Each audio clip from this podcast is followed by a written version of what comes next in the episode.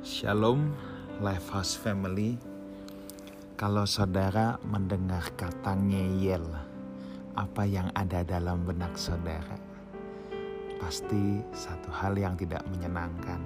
Ngeyel itu mungkin kita akan berpikir maunya apa sih orang ini ngeyel banget.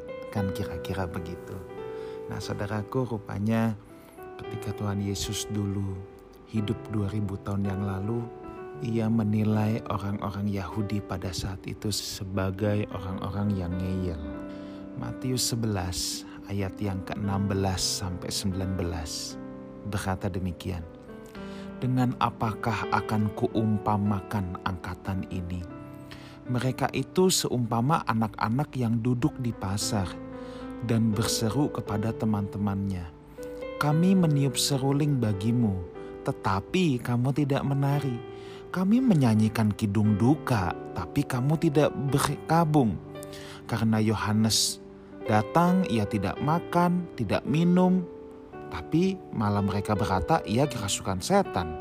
Kemudian anak manusia datang, ia makan dan minum, dan mereka berkata, lihatlah, ia seorang pelahap dan peminum, sahabat pemungut cukai dan orang berdosa tetapi hikmat Allah dibenarkan oleh perbuatannya.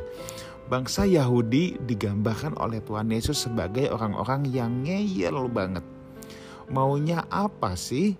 Yohanes diutus, tidak makan tidak minum, malah dibilang kerasukan setan.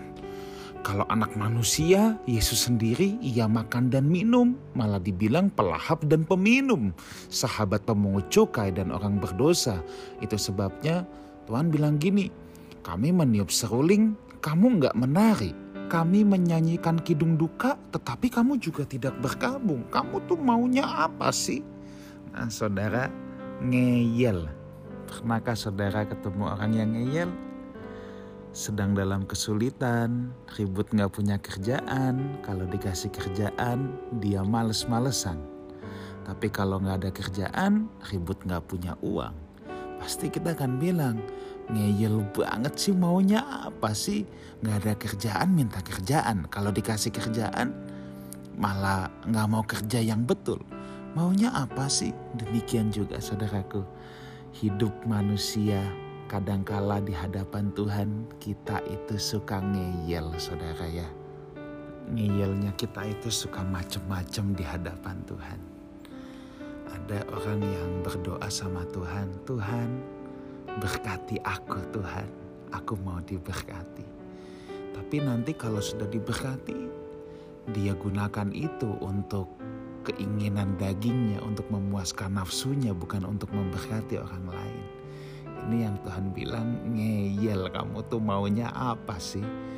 Tidak diberkati, minta diberkati. Tapi kalau diberkati, malah kamu hidup dalam dosa semakin menjadi-jadi. Ya ada orang lagi yang berdoa Tuhan pakai aku Tuhan pakai aku. Giliran Tuhan sudah pakai malah jadi sombong ya.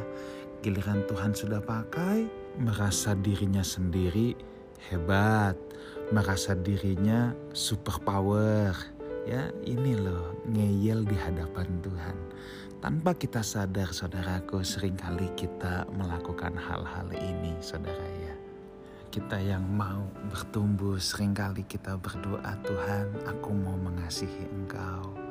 Aku mau dibentuk supaya semakin serupa dengan engkau. Itu sebabnya saudara Tuhan izinkan banyak hal terjadi ya. Supaya apa? Supaya kita naik kelas. Jadi kalau ada hal-hal yang rasanya berat dalam hidup kita terjadi jangan cepat-cepat protes sama Tuhan Kan tuh kita yang berdoa Tuhan aku mau naik kelas. Makanya Tuhan kasih sarananya. Kalau ada kesulitan terus kemudian kita protes komplain kok Tuhan ini berat banget. Nah ini kan jadi ngeyel di hadapan Tuhan. Yuk Lifehouse Family eh, marilah kita dalam hidup kita kita melakukan yang terbaik dalam segala hal kita jangan seperti bangsa Israel, orang-orang yang ngeyel yang sehingga Tuhan bilang kamu tuh maunya apa sih ya. Tetapi kita harus punya satu komitmen bahwa yang kita inginkan hanya kita mau menyenangkan hatinya dan kita mau hidup benar di hadapannya. Jangan menjadi orang yang ngeyel, yang tidak tahu apa yang dia mau. Tetapi jadilah orang-orang yang punya komitmen teguh untuk senantiasa mau menyenangkan hati Bapa di surga. Tuhan memberkati kita semua. Haleluya.